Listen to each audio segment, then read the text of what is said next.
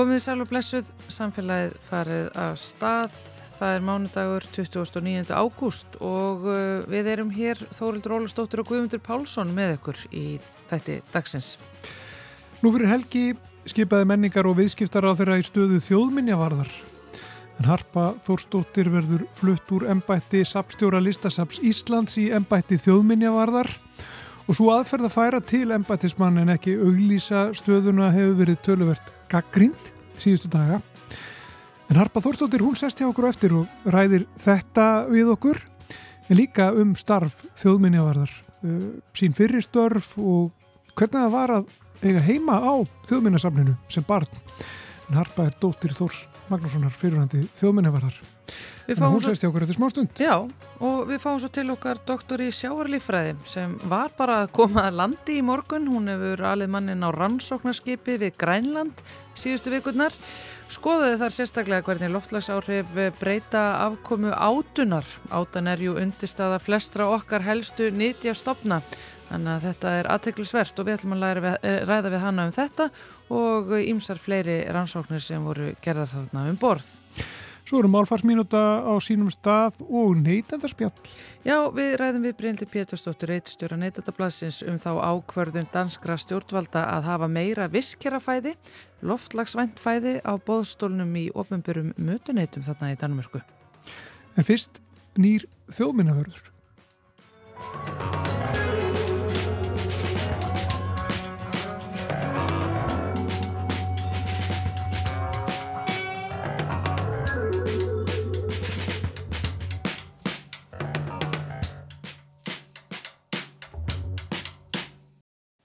Harpa Þórstóttir var núna fyrir helgi skipuð í ennbætti þjóðminjavarðar af menningar og viðskiptar á þeirra og hún hefur undarfærin ár starfað sem sapnstjóri Listasaps Íslands og Harpa er sérst hjá okkur og velkomin til okkar.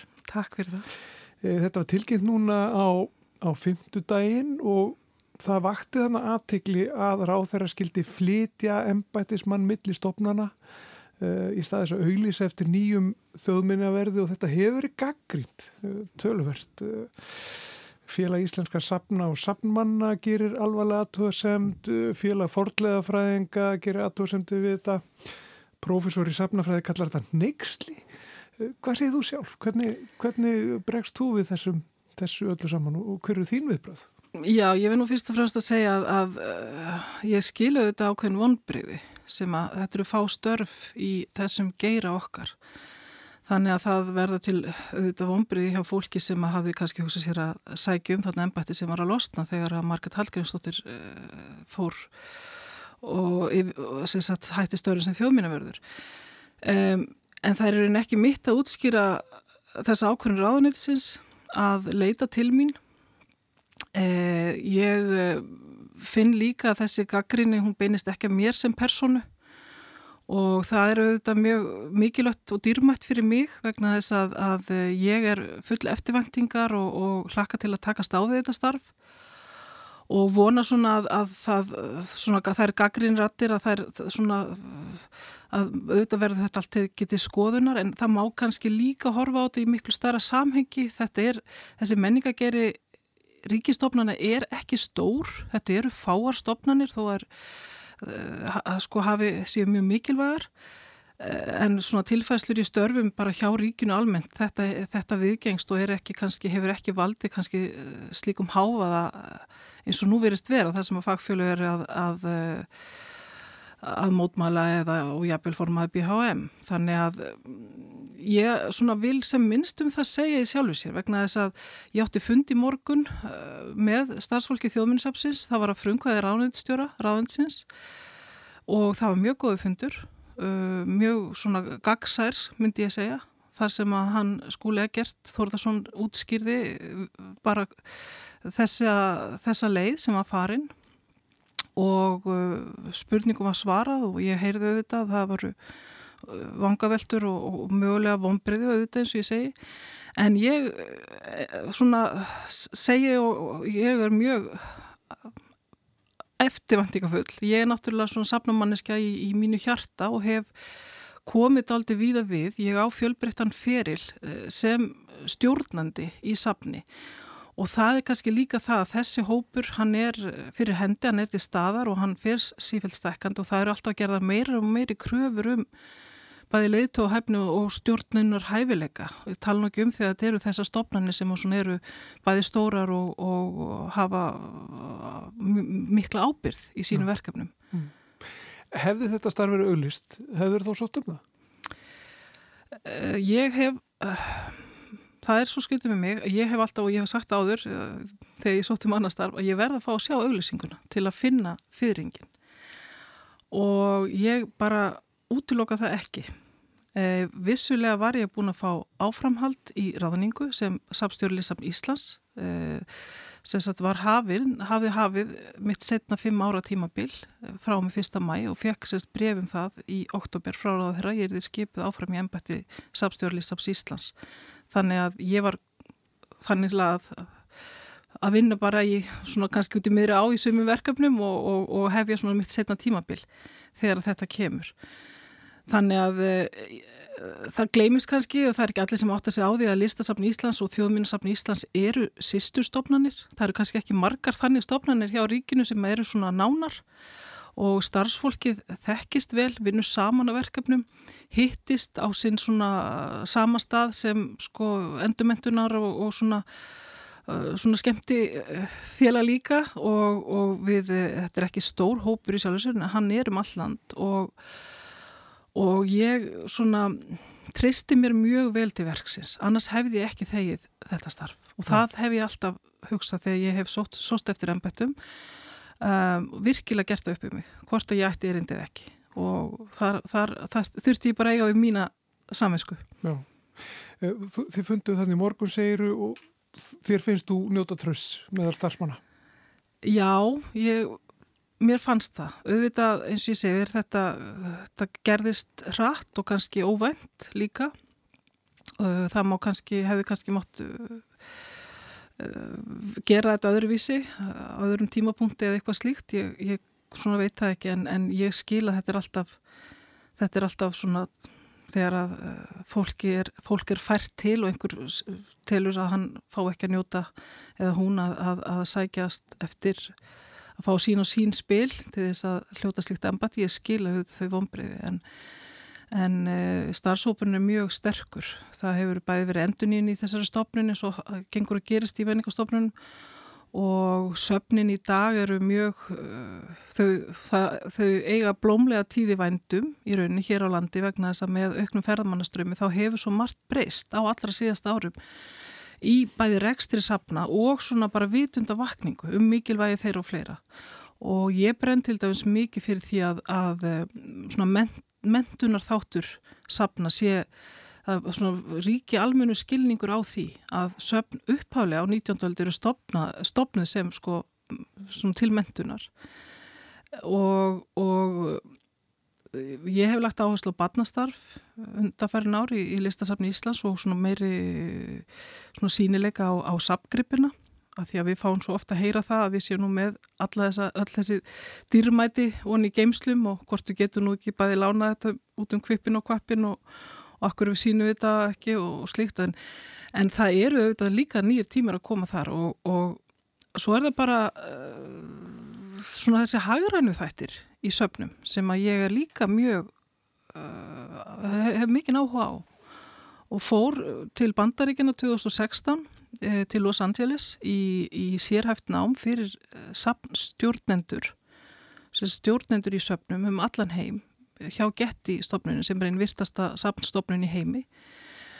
Og þetta voru svona uh, leadership, svona liðtóa þjálfun sem leggur sérstaklega áherslu á breytingastjórnun og, og svona breytingar í söpnum á þessum hraða tíma sem við, við uh, búum í í dag Já. og þetta gerði mig að, að annari manneskut aldrei. Ég fór að horfa á hlutina út frá svona þjónandi hugsun og sérstaklega gagvart á gestum. Og hvaða tækifæri eru þá uh, hjá þjómanissamni? Hva, hvaða tækifæri hefur þessi mikilvæga stofnun? Sko tækifærin eru auðvitað mörg og ég, eh, sko, ég horf alltaf sko, grunnur hver saps er sapningnin. Þannig skilgrinu við sapn. Það eru sagt, það saps sem á ekki sapning, það er í rauninni ekki sapn, það er eitthvað annað. Uh, tækifjörðin eru auðvitað líka bara ebla okkar raðir. Það eru söfnum alland og uh, þjóðminnesafnið á húsasafn sem er með hús um alland. Ég hef mikinn áhuga á þessum arfi, byggingararfinum og mér finnst að, að tækifærin líki í því rauninni að, að, svona, mm, að við þekkjum þessu hús líka og við þekkjum þennan menningararf. Og ég horfi á mikil tækifæri líka tengja betur í skólakerfið og þessar áherslu sem hafa orðið í sambandi við eh, sjálfbærni, mentun og annað að tengja það við eh, sko fortíðina og hvernig við eh, hugsuðum hérna áður fyrr hvernig í rauninni nýtingar sko nýtni hérna undan gengina kynslu í rauninni var var í rauninni svo sjálfsögð að það var ekki eins og hugsað út í að það þurfti ekki að kenna það um, en ég hef líka áhuga á því að, að fólk ferðist til annara landa og skoði önnur söpn. Að því leytir ég líka, svona, finnst mér mikilvægt að fólk bara hugja því og spyrja sér sjálf, hvenna fór ég síðast í sapn? Og þeir sem að hlusta núna gætu spursið þessara spurninga, fór ég og heimsóti sapn í sumar? Já, sko, manni finnst þjóðmyrjasapnið og síningi sem að hefur núna verið í, í nokkur ár, manni finnst þetta að vera nýtt sko, því að það, það var allt gert upp þarna á sínu tíma og svo talðist það nú aðeins og allt þetta en var síðan opnað mjög glæsilegt sapn og glæsileg síning um, manni finnst þess að þetta hafi bara gerst fyrir ekkert lögu síðan en það er nú komið nokkur ár og er komið tími til að breyta eitthvað mikið til eða? Já sko, alltaf tímin getur verið svo afstæður. Það sem hefur gerst í dag er að þróun uh, við síningagerð hefur verið að breytast með svona aukinni tækni. Nú getur við sett á okkur gleru og gengið inn í gamlan tíma nánast og það er svona, já, þetta er sko grunnsýning og ekki grunnsýning. Hún náttúrulega er á mörgum stöðum og þess vegna nefndi ég með tengingunum við skólakerfið. Það þarf líka að passa upp á að ákveðu svona námsefni sé kannski þáttur af því sem er grunnsýning þjóðminnasapsins að við séum að kenna þessa menningasögu og svo getur komið í þjóðminnasapnið og átt þar svona stefnumót við eitthvað kunnulegt um, þær eru mjög flokna grunnsýningar þannig að þetta eru stór verkefni geta tekið mörg ár og uh, það er náttúrulega handritið að þessari grunnsýningu sem er núna í þjóðminnsafni hefur verið, var í vinslu í daldinn tíma áður en að svo síningin var opnuð Eh, þannig að það er mjög spennandi að, að sko átta sig á því svona hvað, hvað vandar, hvernig, hvernig getur við líka nýtt uh, meira á sapneigninni eða komið henni meira á framfæri. Þannig að þetta er bara verðu verkefni sem ég hlaka til að, að eh, vinna með starfsfólki sapsins vegna þess að uh, það er ekki leiðilegt að svona, já, fólk kannski fá að týna til kannski hvað eru mikilvægastu sapmunir þjóðminnesapsins en maður spyrði eitthvað í dag og fá kannski svöru við því. Já. Ég hef svona stendi þeirri trú að við hefum að þekkja þetta aldrei vel bæði þessa muni og þessa sögu. Er eitthvað tækifæri þarna út af uh, þessu mikla fjölda erlendra ferðamanna sem hefur verið að koma undanfæran ár og, og já, það er mikil, mikil aukning núna í sumar og, og líklega á næstunni ekki verið þarna fyrir þjóðminnarsafnið? Algjörlega. Eh, þarna verður þó að segjast að þjóðminnarsafnið stendur vel að víi. Þjóðminnarsafnið Íslands er, er svo stopnum sem að ef, ef ferðamæður kemur hingað þá er þetta oft fyrsta safnið sem við komum til heimsækir, eða jæfnvel eina safnið.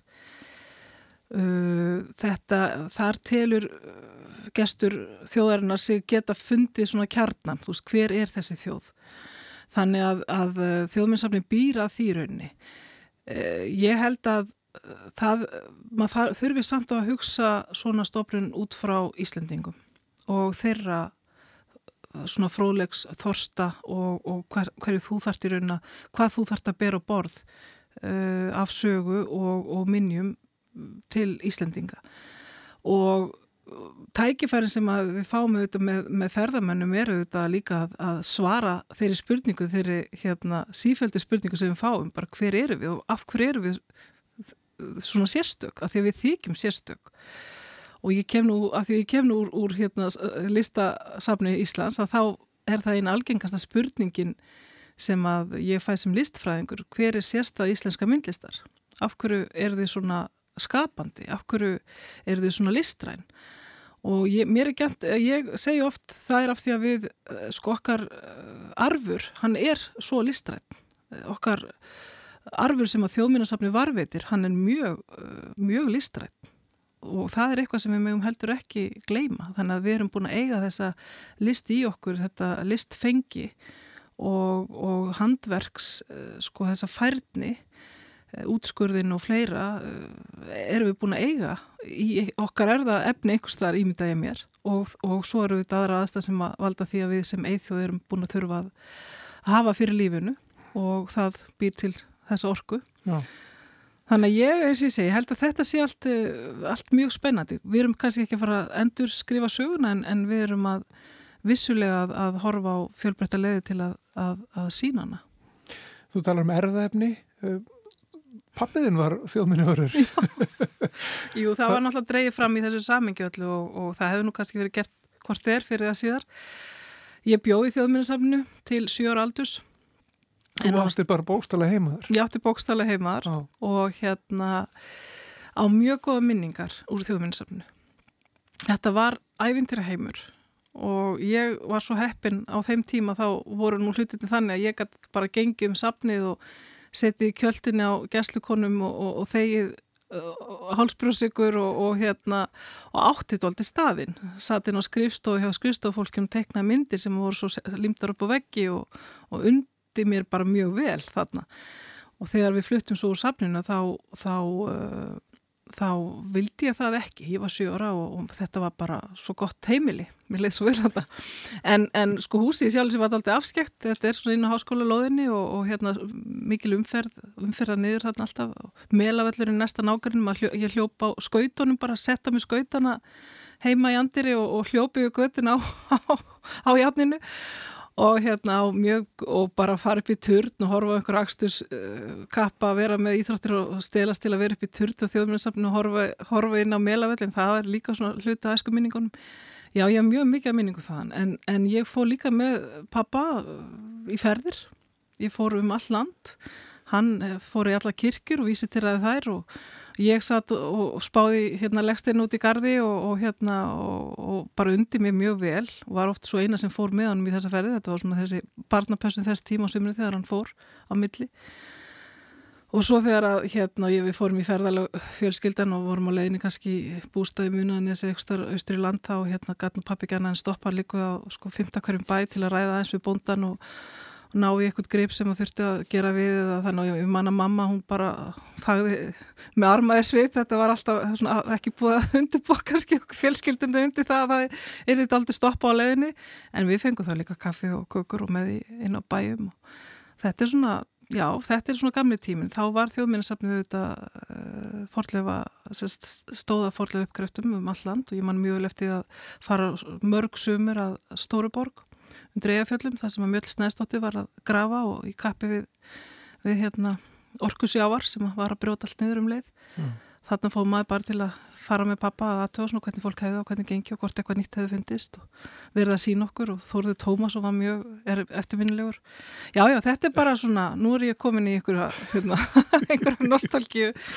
En, en, en þú ert lístfræðingur, en, en þú, þú uh, menna, fordleifur og fordminjar uh, þú hefur leitað þangaði það ekki í þínu námi til dæmis og þínum Jú, uh, aðeins, jú, ég náttúrulega lög námi þar að semst er fyrir til Fraklands eftir ég var student frá Mentaskóli Reykjavík og ákveð að fara eitt ár til Fraklands sem að verður þó tíu og ákveð þar úti í raun að fara í listasögu, fara í listfræði.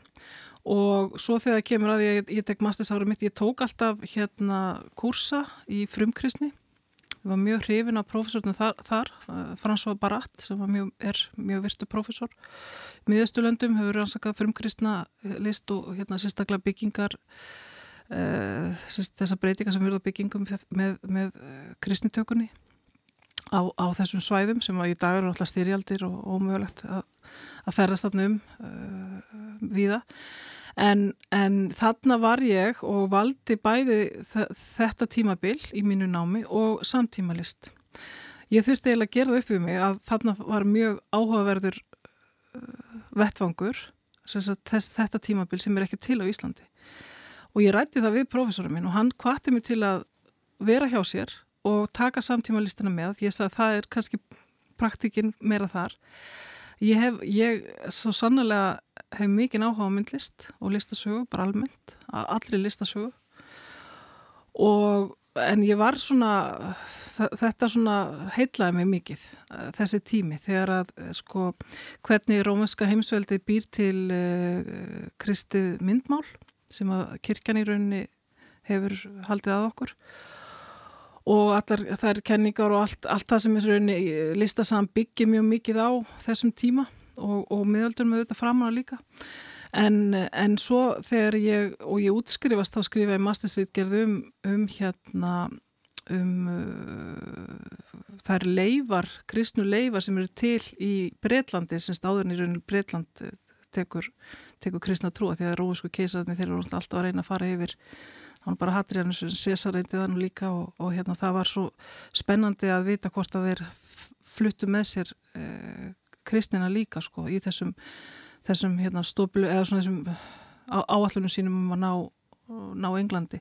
Og ég man að prófa svona að sagði við mig Harpa mig, hvað vilt þú skrifa um? Að því að þú kemur nú frá Íslandi og það, ég veit að það hefur fundist rómusku peningur í Vestmæni en ég hérna sagði við hann já ég ætti nú kannski bara að skrifa rítkeri samtímalist og þá sagði hann, mér dettur nú í huga að þú hérna skoðir skoðir hérna England á, á, á fjórðu öld sko og hérna það var mjög gaman og skemmtilegt en auðvitað er þetta bara orðið fjarlagt í dag og örgulega búið að hérna, ímestlega sem ég fann út hann er örgulega búið að skrifa um 50 sinum síðan það er orðið aldrei langt síðan Já.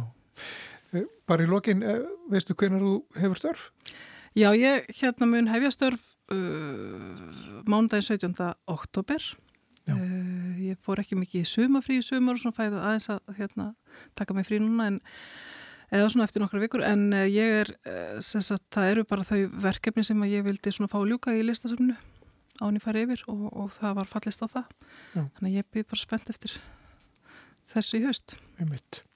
Harpa Þórstóttir nýskipaðar þjóðminnavörður Takk fyrir komuna í, í samfélagið Takk fyrir mig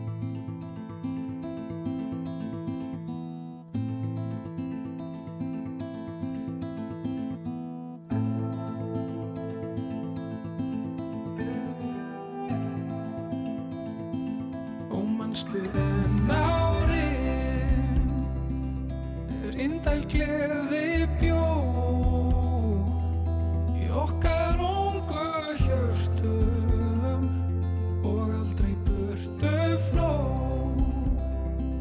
Er vetrar byljir buldu við byggðum hús úr snjó. Og manstu er við öll okkar þorpi skutumst út á skauta. Hver skemmtilegt var þá? Tjörnin undir ísi eins og speil gjá og mannstu kyrlátt kvöld? Er komið sumar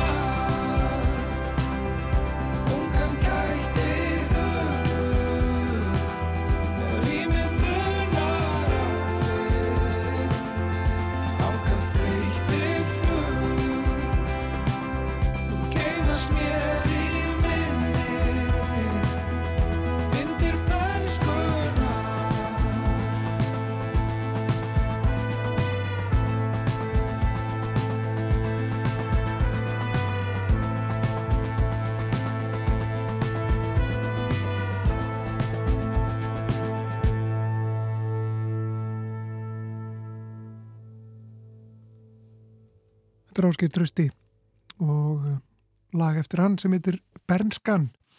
Teksti eftir Einar Georg Einarsson sem er fadir uh, Áskei Trösta vil svo til. En áfram heldum við þér í samfélaginu Hjá mér situr Sigrún Huld Jónastóttir, doktor í sjávarlífræði, sem var að eh, koma í land eftir að hafa verið á rannsóknarskipi síðustu vikurnar, mestmægnis hjá Grænlandi. Sælvertu, Sigrún. Sæl. Þú erst bara að koma í land hérna í Reykjavíkurhopn í, í morgun, ekki satt? Já, við bara komum núna klokkan átta að höfn Já. og eftir þryggja vikna leiðangur. Leiðungur í hverju? Leiðangurinn var upp austustranda Grænlands og við fórum heimsóttum nokkra fyrði þar. Og þar eru við að kanna uh, áhrif fersvas á lífríkisjáar.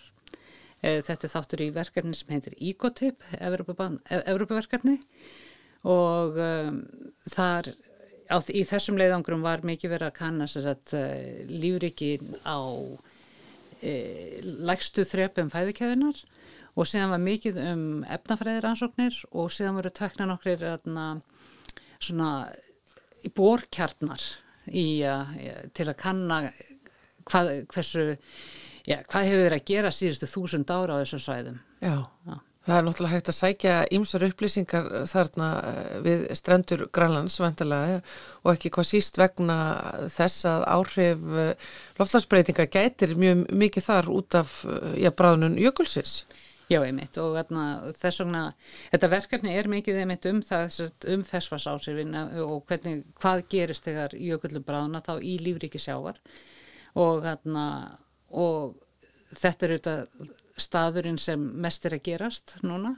Við fórum í leiðangur fyrir ári síðan í vestur hluta græna, græna svo við höfum núna þá bæði östur og vestur hlutan til þess að e, með nokkuð neginn sömur ansóknir og Já. getum þá bórið saman mismandi lífriki, mismandi eðna, áhrif já, sjáar eh, eins og hittastig og seltu og á ímsa þætti lífriksins. Já, en svo er náttúrulega svona sérhæðar rannsóknir sem að hver og einn vísindamæður eru að stunda um borð og, og það eru sérstaklega þína rannsóknir sem að eru áhugaverðar og, og alveg eitthvað sem að fólk sem að vinnur í sjáarútvegi ætti að hlusta eftir. Það er átan, undirstaða alls, já, sigur hún. Já, átan er, og, og rauðátan og, og þarna uppi er líka eitthvað sem heitir póláta sem er svolítið stærri en rauðáta en bara sýstir, rauðáturinnar, stóra sýstir og hérna þetta eru mjög merkileg dýr og mjög mikilvægt dýr í þessu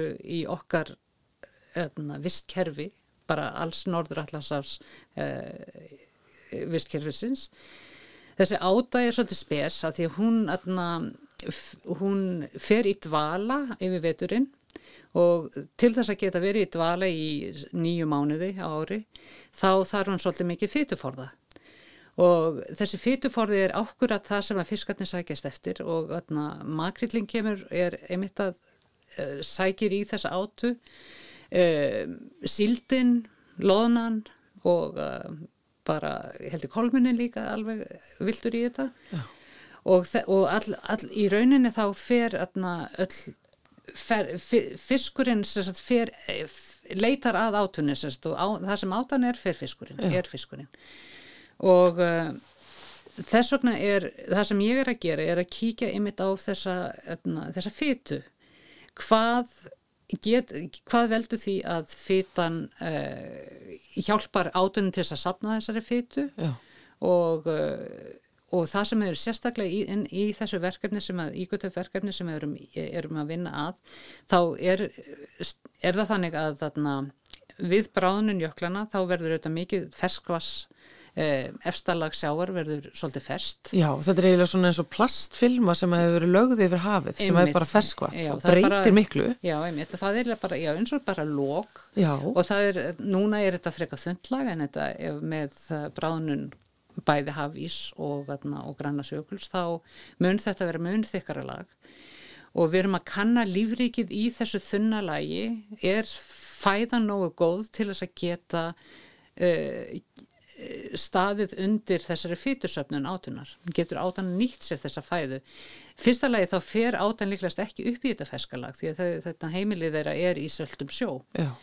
og ef þetta verður mjög þykklag þá er kannski nær eh, þörungarnir neðar í undir þessu lagi ná ekki fá nóg, nóg mikið sólaljós til þess að geta vaksið þannig að þannig er, er líka spurning verður til nóg fæða henda, henda átunni og þetta er svona þetta er svolítið nördað hérna, það sem maður er að gera en samt sem þetta er svona það er að kanna hvað er hver, hver er verið áhrif á þessa átu er, breytir þetta lífs Skilyrðum. lífsskilurðum þarna átunar að þetta lók af fersku vatnin komi ofan á. Og hvað sýnist þér það gera? Það er engar niðurstöðu komnar úr þessu, við erum ennþá að vinna úr hugmyndum og aðtöðu þess að er þetta eitthvað sem við þurfum að hafa ágjur af? Eða mun átan sjá, sjá um sig sjálf? Eða mun bara flytja sig? Já. og þá munum fiskarnir flytja sig líka? En, en í vestu, allra, allra vestafalli sko, ef að eitthvað gerist eðna, ef að átan hverfur þá auðvitað hefur það áhrif á alla þessa fiskistofna sem eru að nýta sér átunan sem, að- sem mat þannig að eh, þetta geti breytt öllum þessuna undirstofni fisks, uh, fiskveiða hér Já, já, já. en þetta er eins og segi já, þetta er, þetta er allt, allt til aðna, hypothesis hvað heitir það? Já, já, þetta eru bara svona, hugmyndir sem við erum að vinna að og kanna og aðtók hvað við og það er mjög mikilvægt auðvitað að vita fyrirfram hvort eitthvað þarna, hvort það hefur ykkur áhrif. Já, maður einmitt uh, sér það að því að ef að hvort sem að átan rekst á braut Já. og þá fara náttúrulega margir af þessum helstu nýttistofnum Íslands sjáurútvegs á eftir já, og mögulega burt úr okkar fiskveðilöksögu og eða ef að hún uh, mun hætta fitna þessi áta þá hrýnur algjörlega grundvöllur okkar helstu fiskustofna þannig að þetta er svona þetta eru sviðsmyndir já, framtíðarsviðsmyndir sem að skiptir gríða miklu máli að fá að vita eitthvað um að því að ef að þetta er að fara að gerast þá er allt að fara að breytast hérna til dæmis á Íslandi og viðar í heiminum. já, auðvitað, það gerir það og þarna, en við viljum ekki setja upp rauðuljósin en þá sko, en en eins og við viljum skilja þetta, við viljum aðtöga hvað er að gerast Já. Sko það eru fleiri rannsóknir heldur en bara einmitt þessar sem að rauðáttan sem að, skiptir náttúrulega svo miklu máli fyrir okkar, okkar helstu atvinnuvegi. En það voru fleiri rannsóknir sem að þið voruð að, að, kíkja á þarna um borð.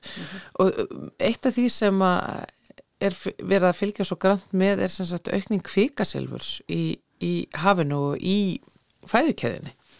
Já, það er, það var, það er, eða var, doktorsnemi um borð sem er að kíkja á, á kvikasilfur og þá að hvernig hann uh, því að með um, bráðunum ís þá hefur, hefur hafa rannsóknir sínt að það verður auki kvikasilfur í hafinu. Já, Hann hefur verið að taka síni frá, sagt, frá ströndunum og, út, og út á sagt, haf e, og mæla það styrkleika kvikasilvurs í þörungum og í átu og, uh, og það er niðurstöðnum að sína það að það er mun hærri kvikasilfur í nærströndunum heldur en út, úti við. já, Það sem gerist er að þarna kvikusilfur hefur sapnast á ísnum eh, vegna bara hefur fallið eh, í gegnum árin á vegna mengunar á aðalega vegna kól held ég kólamengunar. Ég meina við erum að tala um að bara að kólamengun sem að kom til í að fyrir sko 80 árum síðar, Já, já. hún er þarna upp á jökli Já, og þessi- er hún að nú það- út í haf. Einmitt. Og síðan einhvern veginn skrapast það líka frá, frá hana, hvað heitir það hana, svona jarðvegi og steinum. Já, frá jarðið og steinum einmitt. Og skrapa, það er eitthvað kvikasilfur það líka. Þetta er Grænland fullt af málmum og, og þungmálmum og öðrum málmum. Já, Svo að þarna, það kemur líka út þannig að þetta er, uh, þetta er áhyggjuefni út af því að þetta, þetta fer þetta fer ekkit, uh, þetta fer flist upp að fæðukeðina þessar, þess, þetta kvikusilfur já, og þá í þennan fisk sem er að sækja í átuna og, uh, og síðan áfram. já, já, maður hefur einmitt lesið um að, og stildum að sé svo selir og íspyrnir að það er mæ, mælast alveg bara nánast hættulegt magna kvikaselur í, þeim. Og þá Já, náttúrulega skila það sér líka svo sem í önnur ándir eins og mannfólkið. Einmitt, það er held ég atna, hef, er sínt að grænlendingar eru með hæra kveikasilusmagn í líkamannum heldur en aðra þjóðir. Já, því þau borða líklega meiri sel og kval og það sem er. Já. En þetta er að finna sem sagt bara í öllu hafinu í meira og meira magni og þetta færist alltaf upp e, fæðukeðina þannig að það er rauninni ef að framferð sem horfir alveg sama hvar, hvar þú stingur niður gafli í, í, í, í hérna sjáardýrin að það munum vera kvikasulur í því. Já, en ég held að það sé ennþá á því, því, þeim styrkleika sem ekki er á atna, ekki eru hættulegir okkur en atna, það eru þetta vissir, það er fylst með þessu eh, innan mætvæla geirans og uh, en uh, bara það að þetta mælist það er áhugavert og uh, en sama þetta er ekkit ennþá að koma með svona doomsday.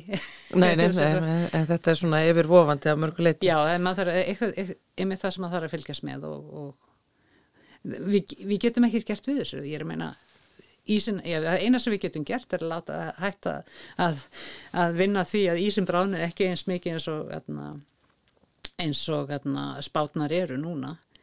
Það, er, það, er, það þarf að vinna því að, að, að, að hæja á uh, áhrifum kolvetnis á, á hýta jarðar og svo að þarna fólk verður að taka þetta pínuti meira alvarlega heldur við gerum í dag held ég. Já, ég velti fyrir mér að því að þú ert búin að vera um borðið þessu rannsóknskipi að skoða þetta með öllu þessu vísindafólki hvernig hugsaður um loftlagsmálin þegar eftir að hafa verið þarna?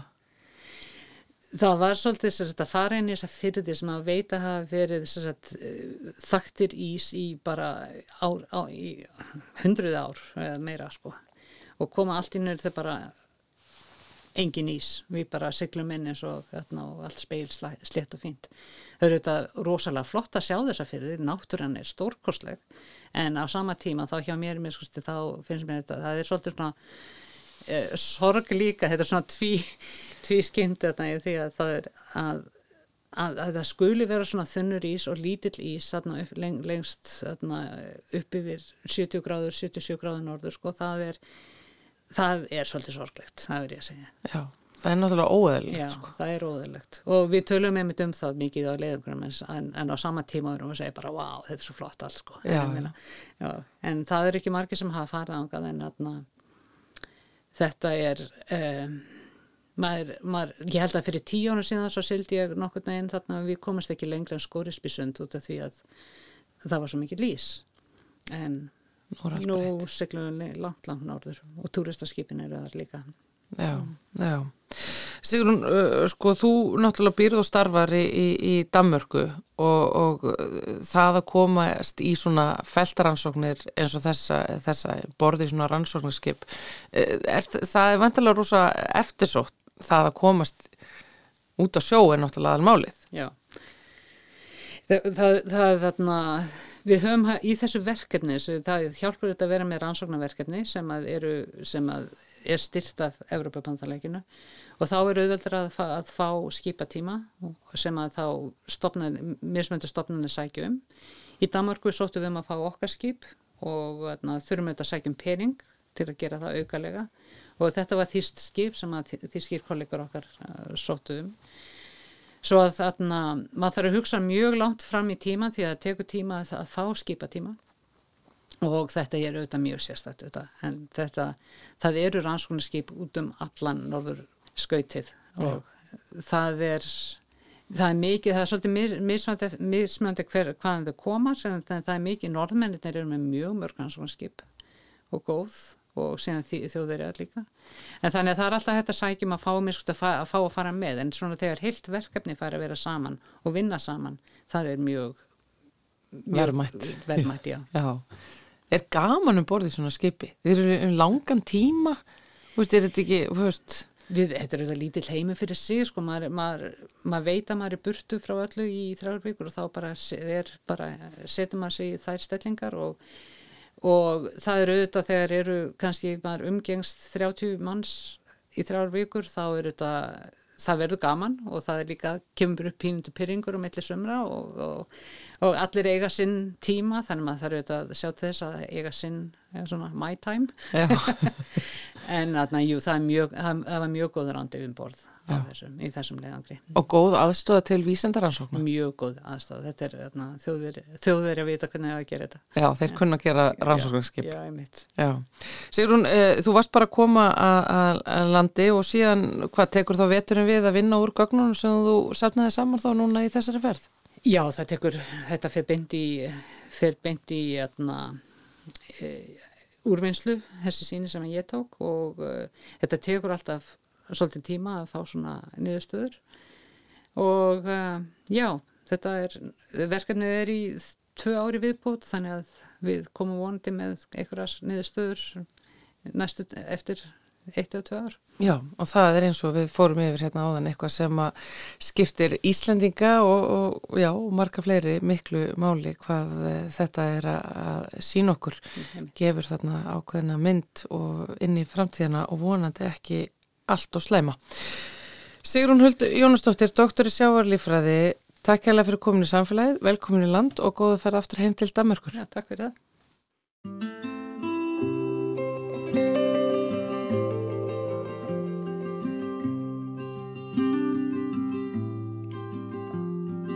Sveið þreyti fætur, tóa hvern annan í takt.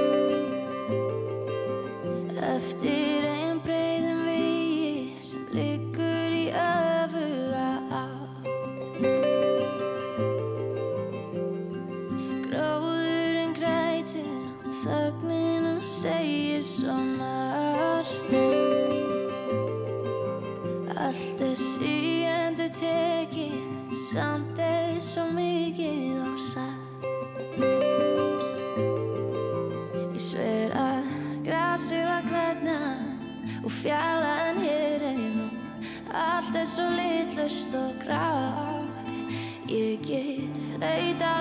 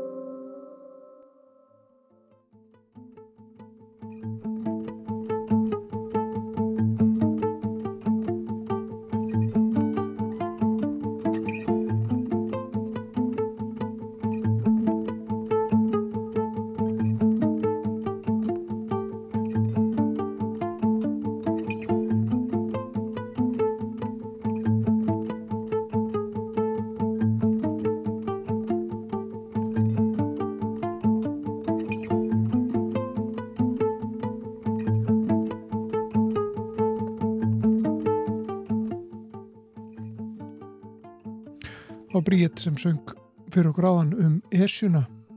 Hér framöndan í samfélaginu er neytenda spjallið en eh, áður en kemur að því skulum við skella í okkur í eins og eina málfarsmínútu. Orðin aðgangur og aðgengi hafa svipaða merkingu, en aðgengi er þó mun sértækara. Aðgangur er tækifæri eða réttur til að nýta aðstöðu, búnað, gögn eða önnur gæði. Við höfum aðgang af fjölmiðlum, við höfum aðgang að ramagni og heitu vatni. Aðgangur er líka leifi til að fara á samkomu eða síningu til dæmis. Aðgangur að síningunni er ókjöpis. Aðgangur er bannaður börnum yngre en 12 ára. Aðgengi er möguleikar til að komast á stað eða fara um svæði.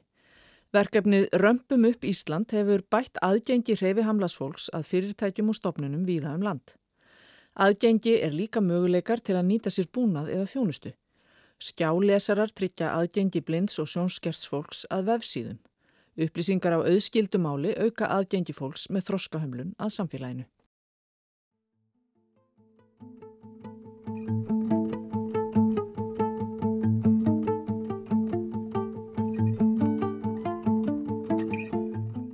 Þá ætlum við að henda okkur í smá neytendaspjall hérna í samfélaginu eins og við gerum gerðnan og uh, með okkur er Brynildur Péturstóttir sem er reitstjóri neytendablasins. Sælvertu Brynildur? Sæl. Þið hafið verið að skoða í ykkar blaði meðal annars hvernig er hægt að koma því saman að jarðarbúum fjölgi viðstöðulust og uh, við getum gefið þeim öllum að borða. Já, við höfum verið að fjalla um þessa áskorun að fæða sífur fleiri jarðabúa á saman tíma og hérna, marðala framlýsla heimsins er náttúrulega hérna, er takmörguð, við getum ekki, en við getum, í rauninu spurningin er hvernig getum við bröðfætt alla þennan fjölda? Uh, og niðurstaðan er að, að marðala kjærlega eins og það er í dag, það er ekki sjálfbært. Og þessi nefnd komst að þeirri niðurstöðu að þurfti að, þurfti að breyta í mataræði og fara meira yfir í uh, jörgstafæði, minka neystlökkjöti og, og, og bara dýra afurðum Já. og auka neyslu á kortni og, og áhersum og grammiti og fiskarni, það er jörgstafæði, öðnum og linsum og þess aftar. Þetta er nú það sem kom út fyrir, ég man ekki, tveimur ára kannski við tefnum að sem ekki neittindablaðinu þá. Síðan dróðið tíðan þá, nokkuð fannst mjög áhugavert að það er að dansk stjórnvöld, eða þess að yfirvöld, þau í rauninni gefa út nýjar næringaráleikingar og eru þá stöðjast við þessar tillögur í landsvöldnefndarinn. Og ég veit ekki, ég held ekkert annað hérna, norðunand bara þess að leið, þannig að þeir bara, já, eh, komast að vera nýðist að þetta er postmataræði bæði fyrir fólk og, og jörðina. Þetta hefur verið kallað, er það ekki sko flexitarian eða vistkera mataræði, er það ekki á íslensku? Jú, vistkeri er bara held í orði sem er notað þetta. Að, og það er bara mjög svona, svona, lýs, lýsandi. Og hérna, það sem að kannski líka vakti aðtegli ástæðan fyrir að við höfum svona annarku ítala um þetta þörfaði nefniflassins, að það er að loftlagsvað Danmörkur gaf síðan út skýrstu sem að heitir klímavenni eh, maður og brúur aðferð eða loftlagsvænt fæði og nesluhefn. Og það er í nefni loftlagsræðir að uh, bara fagna þessari, þessum nýju ráðleggingum og telja þessi bara rétt lefi í áttu sjálfbarni Já. og að það væri farið eftir þessum nýju ráðleggingum að þá myndi hver dani minka matarkólunum fótspórsveitt um 30-45%. Uh, og það sem að þeir eru þá að segja að, að þau í loftslagsræðinu að hérna að, og benda dansku stjórnöndum á að þau þurfu þá líka að ganga undan með góðu fórstæmi og benda til dæmis á allandan fjölda mötuneita sem að hérna hefur ofinbera í rauninni er að reka fjöl, fjölmörg mötuneiti. Að, að þeir eru þá að hérna, setja til einu eða þá harfa til þess að vera með loftslagsvætti mat. Og og reyndar Kaupmannafnborg sett fram matalstöfni 2020 þá sem, sem þeir sett fram að uh, markmiða 70 mötuneytismáltíð uh, á þeir hverjum væru loftlagsvænar ja. og þannig ætlum við verið að minka kolumnsfóts fyrir máltíða 25%. Þannig að, hérna, að þetta er bara mjög áhugavert og svona, það er svona vísir aðeins umræðið í Íslandi en hún er alls ekki komin svona látt en maður, eh, það var svona ætla að þetta sé framtíðin að við þurfum að já, bara fara meira í aftar jústafæði og þessi Ídlandsveit nefnd hún rönni, það sem er líka mikilvægt er að það er ekki verið að segja allir jarðabari eiga að borða eins og kjöt sé ekki inn í myndinni. Uh, því það er, það er fólk getur borða kjöt og mjölkuvörur en, en hugmyndin er að markmiðið er það að minka það hlutfatt og auka jörstafæði og eitt af þessu kemur fram líka í þessu skýrslu lofstofsfá sem er mjög áhugaverð um, að það er að það þurfi að, að með, með til dæmis ef að uh, í mötuneytum sé verið að bjóða meira upp á uh, grænmyndisfæði að þá svona, hvað kallar svona normaliseri eða geri grænmyndisfæði um, svona, um, hvað sé að, svona eðlilegri kost og sem er sér svona einhvern veginn hættir við þetta, sjáu bara fyrir eitthvað fyrðulega baunarétti ekki bræðgott kannski Um, þannig að hluta því að fá fleiri á vagnin sé að bjóða upp á bara gott, gott grammetisfæði og sína fram á að það er ekki flókið eldaða og það getur verið brakast líka. Þetta er líka náttúrulega að læra að, að um, raða öðruvísi á diskinsinn og það hefur kannski ekkert endilega með það að gera hvað okkur finnst gott, þetta er bara eitthvað sem bara ólust upp við og, og svona er þetta bara. Þetta er svona ákveðin vekkferð sem að fyrir náttúrulega marga kannski á þessum slóðum eins og við búum á er að mörguleiti ný þegar við bara, við erum ekki vönu þessu.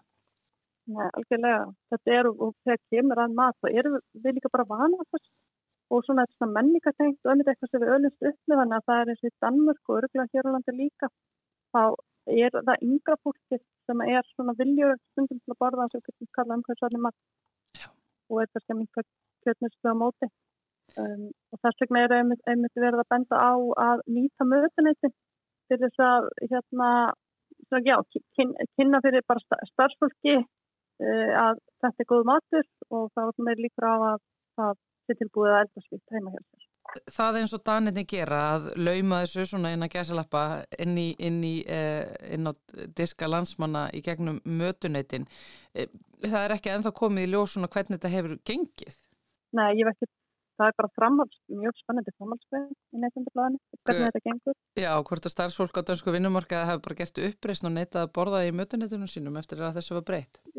Nákvæmlega, sko, en það sem er svona áhugavert að stundum verið umræðum að uh, einhverju komið fram með uh, hérna, settum kannski tilögur eða einhverja pælingar um meira græmitisfæði einhverju í leikskólum eða þetta er svona, þetta hefur verið mætt svona nokkuð með mótróa getur við sagt uh, hér heima mhm. -huh. og þess að neina leggur þetta fram að hérna, verja það að eitthvað íslenski heimilismatur eins og ekki nógu góður og, en þetta er alveg þetta eru bara ábendingar og pælingar sem hefur fulla rétt á sér. Um, þannig að já, er mjög stöld að vera alveg virkilega áhugavert og ég hef ekki séð mikið að fréttum um þetta. Mér, mér finnst þetta mjög fréttum séð með því Danir eru náttúrulega mjög, þeir borða mjög mikið kjöld þetta er bara við. Þannig að, að bæði það líðhelsi yfirvöld og svo hérna bara takkið þetta skref og, og að lofstofsvæðu skuli gefa út þessa ítalið skýrslu það er bara mjög áhugavert og við tókum hérna líka viðtal við nokkra meðal annars Jóhann Eirinu Torðardóttur sem vinni því enda til landslæknis og hefur takkir vistkjara færi hefur fjallaðan um það og nýjar nýðustu nýja konuna á matara Íslandika hún hún sýnir að við, að þetta græmitismensla, hún er svo langt undir við með og það var aðeins 1% taktakant að spora þær álega skamta græmit. Já, það segir nú allt um okkur íslendika. Já, það er, já, og hún segir að segja aðlilega þessi aukandi yfir þessi niðurstöðum. Já, jáfnvel er þetta líka sko aldursópunum eins og nefnir hérna 18-39 ára að það konur í þeim aldursópu fóði síður ná mikla næningaröfnum borði játn og jó, sérvitamin og ólar og svo D-vitamin neslu líka áfundir álæði nestu og svo var það ekki reyndi til þetta ekki þannig hlaðin að við mann rétt þá minnum við að það sé aðeins um það var bara 4% af landsmennum miða við þessa konun sem fær uh, nægilegt magna þörfjum og í Danmörku þá var það bara 7% dana sem fengur álæðanskamta helkortni Já, þetta Þannig var rætti eh, held ég til keto-æðisins einhverju leiti? Já, kettaæðið, já, það er svona, fólk er ekki bara þeimur meira af, af grænmeti, þá er það er, það er ekki að sæljar í kjöti, fiski og svona Neitt að þegar kemur að matera þá verðist nú vera svo margar engin sammálun eitt getur við næstu sagt. En hérna þó er það eitt sem að allir við stöður sammálum og það er að trefjar eru mikið var og bara fyrir farmaflóruna og það sem nöðslegt að borða fjöld, fjöldvektar trefjar. Og það er náttúrulega kannski eitt kostur með, með því að fara færa sem meira yfir í græmitsfæði þá eru það ólíkar misnættið trefjar sem við fáum með græmit ástum, linstum, bönum, heilkortni og öllu þessu Það var áhugavart að í talningum mjög hugrækt af íslenskum stjórnvöldum að fara þessa leið eh, dana í ákveðinni matvalla stefnu sem að myndi þá taka á áhrifum breyss loftslags hér á landi að setja loftslagsvænt fæði á borð á byrja á mötuneytunum. Það væri, eins og ég segi, það væri hugrækt uh, af íslensku stjórnvöldum að gera það væri það og mér finnst það að minnstakost að þurfa að taka þessu umræð. Ég veit ekki hvort að hún er, hún, hún er frekar afmörkuð og ég, við spurðum hérna, sendum fyrirspöld líka á um, matalega aðra sem Svarstóttir og um, þú veist, það var ekki alveg, svari var ekki skýrt getur þess að, þannig að ég myndi halda að það, eins og staðinu núna stjórnum, þeir eru það að hugsa að þetta er eitthvað leini ef, ef það er eitthvað að horfa til Danmarku. Við fylgjumst með. Uh, takk hæglega fyrir spjallið Brynildur Pétursdóttir, uh, eh, reittstjóri Neitendablasins. Já, takk, takk. Og þannig ljúkum við samfélaginu þennan uh, mánudaginn. Við en, komum alltaf aftur. Við gerum það. Já. Þakku fyrir okkur í dag Guðmundur Pálsson og Þóruldur Ólastóttir. Verðið sæl.